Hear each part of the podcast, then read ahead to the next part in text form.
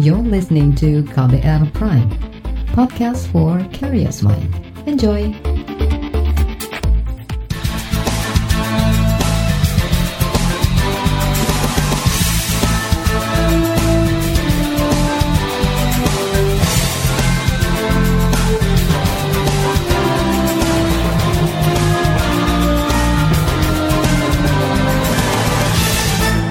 Halo saudara, senang sekali kami bisa menyapa Anda kembali dalam program KBR Sore untuk edisi hari ini Senin 12 Oktober 2020. Saya Sindu Darmawan, kembali menemani Anda selama kurang lebih 30 menit ke depan. Hari ini KBR Sore menyoroti draft rancangan Undang-Undang Cipta Kerja yang disahkan DPR pekan lalu. Draft rancangan undang-undang itu diwarnai ketidakjelasan karena banyak versi beredar. Apa yang sesungguhnya terjadi? Saudara, draft rancangan Undang-Undang Cipta Kerja diliputi misteri, banyak pertanyaan dari publik, mana draft RUU Cipta Kerja final yang disahkan DPR? Saat ini, beredar sedikitnya empat draft rancangan Undang-Undang Cipta Kerja dengan jumlah halaman berbeda-beda. Ada versi 905 halaman, versi 1028 halaman seperti di situs resmi DES, versi 1028 halaman seperti di situs resmi DPR, hingga ada versi 1035 halaman. Ada juga versi 1052 halaman yang konon draft akhir sesudah dirapikan Badan Legislatif DPR karena ada kesalahan tulis atau kesalahan ketik. Banyak orang mencari draft final RUU Cipta Kerja, mengingat Presiden Joko Widodo menuding ada banyak hoax atau berita bohong dan tidak sesuai undang-undang yang disahkan DPR. Sekretaris Jenderal DPR RI Indra Iskandar membenarkan versi draft RUU Cipta Kerja dengan 1035 halaman sebagai versi terakhir. Draft itu tersimpan dengan nama arsip RUU Cipta Kerja kirim ke Presiden dengan tipe arsip PDF. Draft dengan 1035 halaman dan ditandatangani Wakil Ketua DPR Aziz Syamsuddin itu nantinya akan dikirim ke Presiden Joko Widodo. Sekjen DPR RI Indra Iskandar mengatakan, meski ada perbedaan jumlah halaman yang tidak sedikit, ia memastikan tidak ada perubahan secara substansial dalam draft RUU Sapu Jakat itu. DPR punya waktu tujuh hari sejak pengesahan di paripurna untuk menyerahkan dokumen tersebut kepada Presiden Joko Widodo. Iya, itu kan yang di waktu itu paripurna basisnya itu, tapi kemudian hmm. hmm, hmm. itu kan itu formatnya masih format uh, belum dirapikan. Setelah dirapikan, spasinya, redaksinya segala macam. Nah itu yang yang tadi disampaikan Pak Ajis itu kan spasinya spasinya kan spasinya kan apa masih belum belum rata semua ya hmm. hurufnya segala macam. Nah, kalau sekarang sudah dirapikan. Yang uh, dibahas terakhir yang 135 itu ya. Nah, uh, tapi nanti eh, siang ini masih mau difinalkan dulu kok itu itu itu tuh yang terakhir yang uh, tadi Pak sampai dibahas kemar sampai kemarin ya. Sekjen DPR RI Indra Iskandar mengatakan, meski ada perbedaan jumlah halaman yang tidak sedikit, ia memastikan tidak ada perubahan secara substansial dalam draft RUU Sapu Jakat itu. DPR punya waktu tujuh hari sejak pengesahan di paripurna untuk menyerahkan dokumen tersebut kepada Presiden Joko Widodo.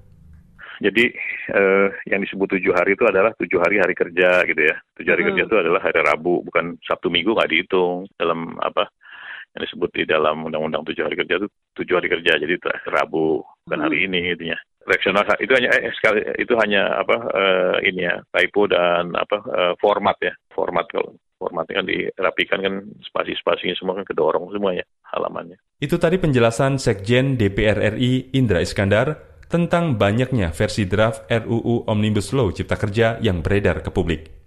Saudara KBR sore akan jeda sejenak. Di bagian berikutnya kita akan simak laporan khas KBR bertajuk Jebakan Pidana Hoax bagi Pemrotes Undang-Undang Cipta Kerja. Bagaimana laporannya? Simak usai jeda berikut. Tetaplah di KBR sore. You're listening to KBR Pride, podcast for curious mind. Enjoy!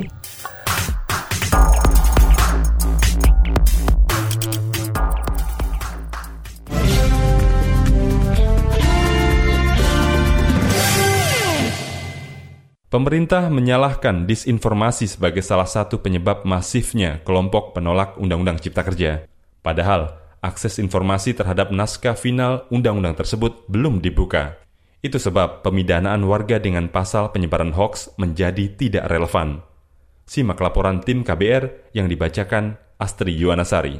Gue kemarin memilih tidak berbicara soal Omnibus Law karena gue sadar gue belum segitu pahamnya soal Omnibus. Jadi daripada gue bikin salah persepsi, mending gue diem, anteng. Nah udah diem, udah anteng, masih dituduh provokator. Allahu Akbar. Biasa dituduh imposter tiba-tiba dibilang provokator kan kaget hamba. Ya Allah. Ini adalah video yang diunggah komika bintang Emon Jumat 9 Oktober 2020 di media sosial Instagram. Ia mengulik tema yang tengah menyita perhatian publik seputar Undang-Undang Cipta Kerja. Bintang sempat dituduh menjadi provokator pembakaran pos polisi di Jakarta saat puncak aksi unjuk rasa Kamis pekan lalu. Ini bukan kali pertama ia diserang karena unggahannya di medsos. Sebelumnya, Bintang pernah difitnah memakai narkoba usai berbicara tentang kasus Novel Baswedan. Meski demikian, ia meminta warganet tak gentar menyampaikan pendapat. Karena menurut gue sosial media merupakan wadah perjuangan yang baru untuk kita. Jangan takut tapi tetap harus hati-hati karena di situ ada UU ITE. Nah, kalau mau aman dari UU ITE, jangan sebut nama, jangan sebut instansi, jangan tampilin visual, jangan bersuara. Ya emang itu yang paling bercanda.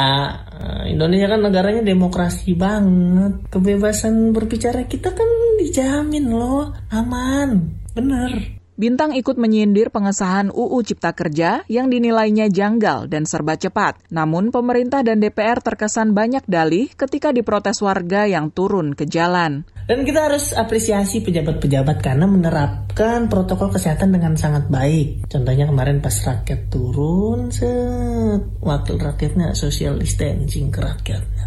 Ya kan kesehatan kan demi kesehatan. Terus juga para pejabat cuci tangan, dan demi alasan kesehatan beberapa mahasiswa kita di lockdown. Itu adalah bukti betapa seriusnya pemerintah menghadapi COVID-19. Ah, kebetulan gue lagi ngomongin pemerintah Bulgaria ya. Ah. Kekhawatiran Bintang menjadi kenyataan. Seorang warganet di Makassar berinisial VE ditetapkan sebagai tersangka karena dianggap mengunggah konten hoax tentang UU Cipta Kerja. Juru bicara Polri Argo Yuwono mengatakan, VE mencuitkan 12 pasal di antaranya soal pesangon dan cuti karyawan. Telah mengungkap satu kasus, yaitu penyebaran hoax tentang Undang-Undang Omnibus Law. Penyebaran yang tidak benar itu ya, itu ada di Twitternya, itu at Fidel Yayang itu ya, di sana. Dari tim dari Cybercrime Mabes Polri, penyelidikan akhirnya menemukan ada hoax ini adalah ada yang ngupload. Jadi setelah kita cek adalah berada di Sulawesi Selatan di daerah Makassar itu ya. Konten-konten yang diunggah VE dianggap tidak sesuai substansi UU Cipta Kerja sehingga berpotensi menyebabkan keonaran yang di mana pasal-pasal itu adalah contohnya uang pesangon dihilangkan, kemudian UMP, UMK dihapus itu ya, kemudian semua cuti tidak ada kompensasi dan lain-lain. Itu sudah beredar sehingga masyarakat itu terprovokasi. Tapi setelah kita melihat ya bahwa dari undang-undang tersebut ternyata ini adalah hoax gitu ya. Argo menyebut kepolisian melakukan patroli cyber 24 jam untuk mengantisipasi hoax. Kepolisian sering melakukan apa? Cyber patrol, ya. Ada dari Humas juga patrol ada, dari Intel juga ada. Kalau itu kita temukan nanti itu diduga untuk melanggar pidana dikirim ke cybercrime. Cybercrime nanti yang yang akan melakukan penyelidikan di sana. Jadi kita pasti akan 24 jam itu akan kita cyber patrol mengetahui daripada dunia maya yang ada. Penetapan VE sebagai tersangka dikritik banyak kalangan. Pakar pidana Abdul Fikar Hajar misalnya menilai langkah itu tidak punya dasar kuat karena naskah final UU Cipta Kerja belum ada. Publik hingga kini tidak bisa mengakses naskah tersebut karena belum diunggah oleh DPR. Sementara itu Ketua LBH Jakarta Arif Rahman juga menilai penetapan VE sebagai tersangka merupakan bentuk kriminalisasi. Saya pertama meminta kepada Presiden dan juga Kapolri untuk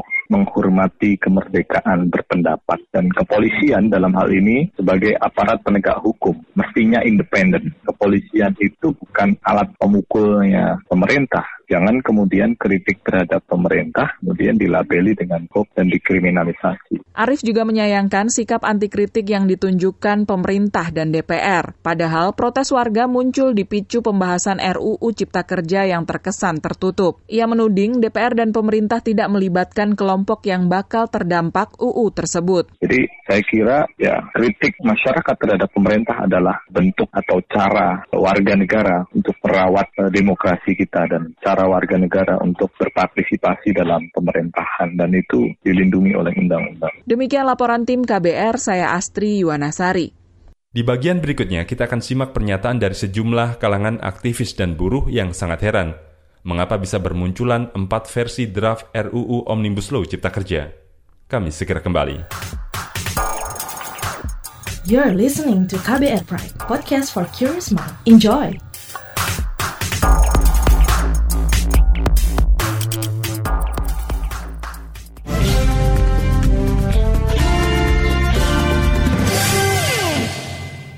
Saudara, ketidakjelasan draft final RUU Cipta Kerja mengundang kekecewaan dari berbagai elemen masyarakat. Direktur Yayasan Lembaga Bantuan Hukum Indonesia, YLBHI, Asfinawati prihatin karena publik tidak memperoleh kejelasan, apalagi dimudahkan untuk mengakses draft final RUU Omnibus Law Cipta Kerja yang asli. Saat ini, ada empat versi draft RUU Cipta Kerja dengan jumlah halaman berbeda-beda. Yang terakhir saya mau memberikan makna bahwa Omnibus Law betul adalah hukum, tapi hukum sebetulnya bukan hanya norma yang mengatur, dia punya makna di balik norma itu. Apa makna itu? Yang pertama, pemerintah dan DPR tidak menempatkan rakyat sebagai pusat kebijakan.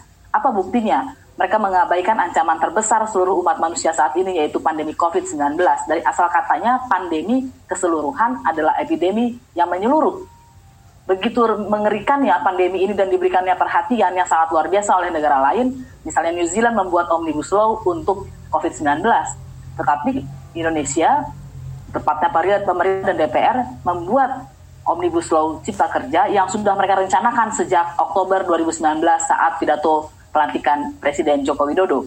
Yang kedua, prosesnya tidak transparan, mulai dari pembahasan di pemerintah, pembahasan di DPR, pengesahan bahkan pasca pengesahan tidak ada yang tahu sebetulnya mana undang-undang yang yang yang asli gitu ya baru pada hari ini kita menemukan ada versi yang keempat itu berbeda juga dari versi-versi yang sebelumnya betul-betul ini adalah pertontonan ke skandal besar dalam pembentukan undang-undang dan penjalanan negara Republik Indonesia. Itu tadi Direktur Yayasan Lembaga Bantuan Hukum Indonesia, Asfi Nawati. Kecaman juga dilontarkan Koordinator Aliansi Gerakan Perempuan Anti Kekerasan Gerak, Lini Zurlia. Undang-Undang Cipta Kerja yang sampai hari ini kita belum mendapatkan final naskahnya, entah itu versi 905 halaman atau versi 1028 halaman atau versi 1053 halaman, entah mana yang benar, tapi yang jelas kita sebagai rakyat yang akan di eh, yang akan mendapatkan dampak langsung dari undang-undang ini sama sekali belum menerima naskahnya dan undang-undang ini bukan hanya persoalan ketenaga kerjaan, melainkan menjadi masalah bagi seluruh aspek tatanan kehidupan dalam berbangsa dan bernegara, mulai dari agraria,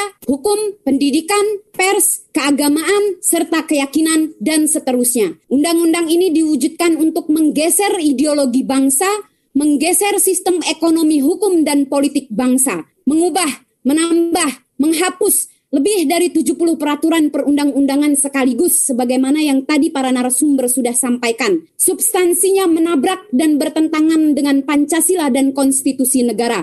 Sistem ekonomi yang semula dicita-citakan oleh pendiri bangsa untuk kesejahteraan rakyat bergeser menjadi untuk kepentingan penguasa dan pengusaha mitra penguasa alias oligarki. Rezim Jokowi Ma'ruf Amin berhasil mengonsolidasikan pemerintah dan Dewan Perwakilan Rakyat dalam meloloskan Omnibus Law, rezim yang berhasil mengangkangi konstitusi negara demi mengeberi hak-hak warga negara, hak-hak dasar warga negara. Itu tadi Koordinator Gerak Perempuan, Lini Zurlia. Saudara, kesulitan memperoleh draft RUU Cipta Kerja juga dirasakan Ketua Umum Konfederasi Kongres Aliansi Buruh Indonesia, KASBI, Nining Elitos. Nining mengatakan, ia dan juga para buruh lain harus berjibaku mendapatkan draft RUU Cipta Kerja yang sudah disahkan DPR. Namun setelah mendapatkan naskah RUU, buruh dibuat bingung dengan banyaknya versi RUU yang beredar. Nining meminta pemerintah bersikap jujur dan tidak asal menggunakan istilah hoax untuk membungkam protes buruh. Uh, terus kemudian di uh, bulan Februari kita sudah menyampaikan tegas kepada pemerintah, terus kemudian bulan Maret, April, Juli bahkan sampai terakhir uh, aksi kita kemarin di 20 uh, sorry uh, 678 tetapi beberapa daerah sudah terjadi di tanggal 5. Itu adalah bentuk sebenarnya uh, ada ketidakpekaan, ada ketidakseriusan, ada ketidakprihatinan kekuasaan hari ini terhadap uh, kondisi rakyat dan bangsanya. Itu yang kemudian membuat rakyat berjalan. Jadi jangan diputar balikan bahwa aksi itu karena hoak gitu ya, karena memang sejak dari awal derapnya uh, memang sejak dari awal melahirkan regulasi itu memang tidak demokratis, tidak melibatkan partisipasi publik secara terbuka, transparan, uh, kemudian uh, sangat misterius gitu ya. Ketika sudah diserahkan kepada DPR, baru kemudian kita bisa uh, dapat dan itu pun harus berjibaku, bekerja keras bagaimana mendapatkan uh, draft undang-undang. Ketika kita membuat perbandingan bagaimana dengan undang-undang pokok agraria, bagaimana dengan undang-undang ketenaga kerjaan, bagaimana juga berkaitan dengan masyarakat adat, bahkan termasuk berkaitan dengan kepentingan generasi muda kita, yaitu menjadi pelajar, menjadi mahasiswa, memang ada uh, semakin banyak mendegradasikan hak-haknya. Ketua Umum Konfederasi Kongres Aliansi Buruh Indonesia Kasbi Nining Elitos melihat ketidakjelasan draft RUU Cipta Kerja ini buntut dari minimnya partisipasi publik dan tidak adanya transparansi dalam pembahasan hingga pengesahan. Saudara, pada bagian berikutnya, kita akan simak pendapat pakar hukum tata negara tentang keganjilan draft RUU Omnibus Law Cipta Kerja yang kini beredar. Simak usai jeda. Tetaplah di KPR Sore. You're listening to KBR Pride, podcast for curious mind. Enjoy!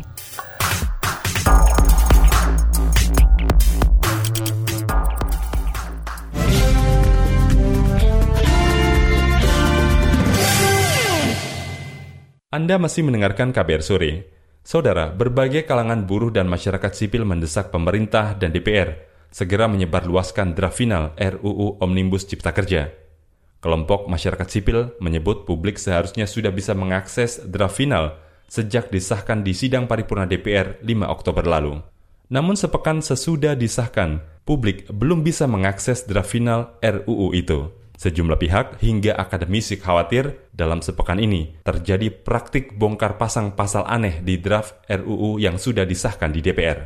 Jurnalis KBR, Wahyu Setiawan, mewawancarai Guru Besar Fakultas Hukum Universitas Pajajaran, Susi Dwi Haryanti terkait dengan Undang-Undang Cipta Kerja yang telah disahkan oleh DPR dan pemerintah tanggal 5 Oktober lalu, publik bertanya-tanya, Bu, mana sih naskah final Undang-Undang ini setelah diparipurnakan? Sejauh ini yeah. publik belum bisa mengakses, Bu, draft Undang-Undang Cipta Kerja ini terkait dengan situasi atau temuan ini. Apa catatan dari pakar hukum tata negara terkait hal ini, Bu?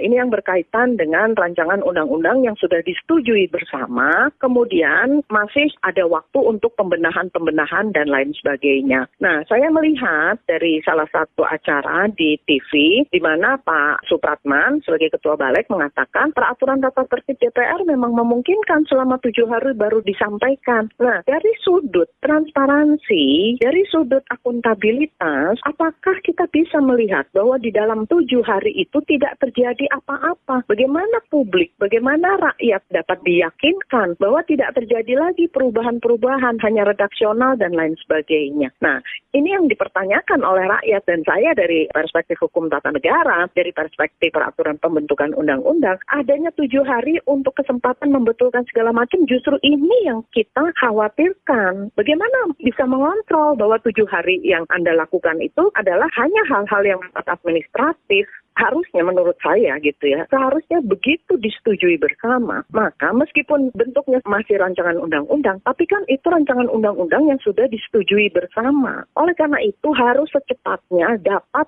diakses oleh masyarakat. Karena ini berkaitan dengan apa? Ini berkaitan dengan hak untuk mendapatkan informasi, hak untuk mengakses informasi. Karena rancangan undang-undang ini akan mempunyai dampak yang luar biasa bagi rakyat. Melihat hal ini, apakah bisa disebut sebagai cacat atau melanggar prosedur pembentukan undang-undang, Bu? Kalau saya melihat itu bukan hanya sekedar yang kemarin ya Mas ya, tetapi dari awal itu, prosedur itu dari awal itu, dari mulai perancangan di pemerintah, itu saya sudah melihat itu cacat prosedur itu adalah jantungnya hukum itu.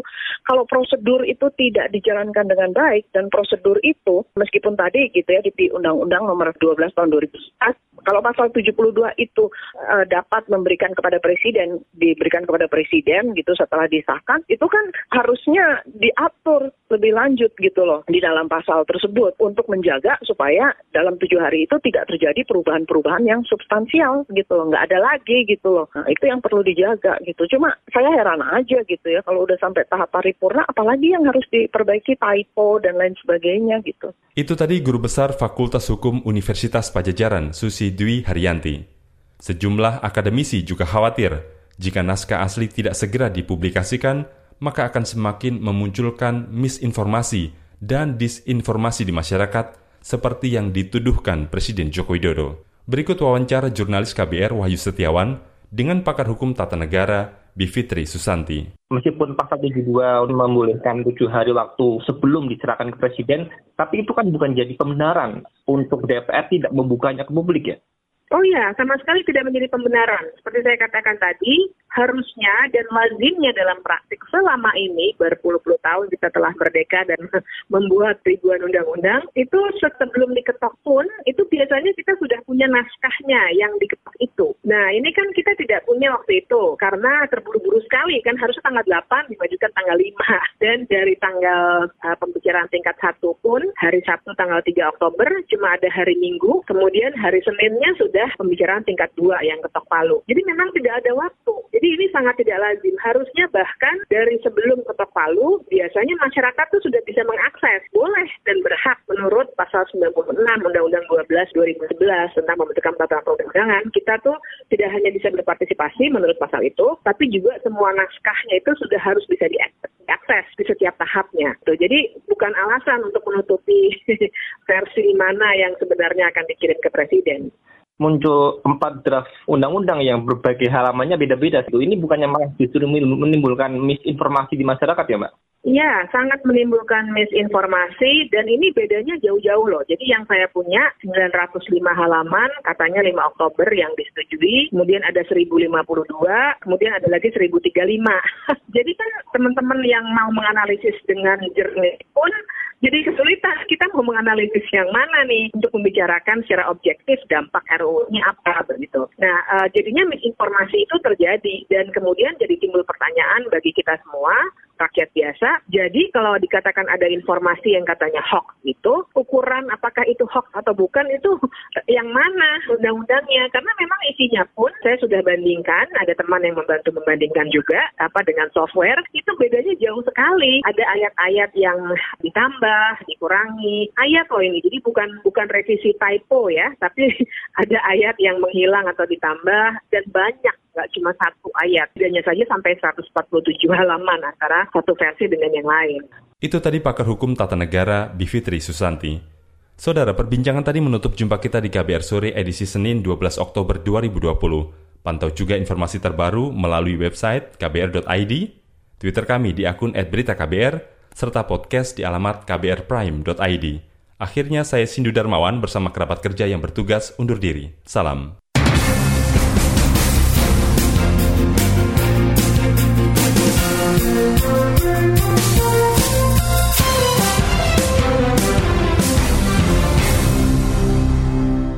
KBR Prime, cara asik mendengar berita.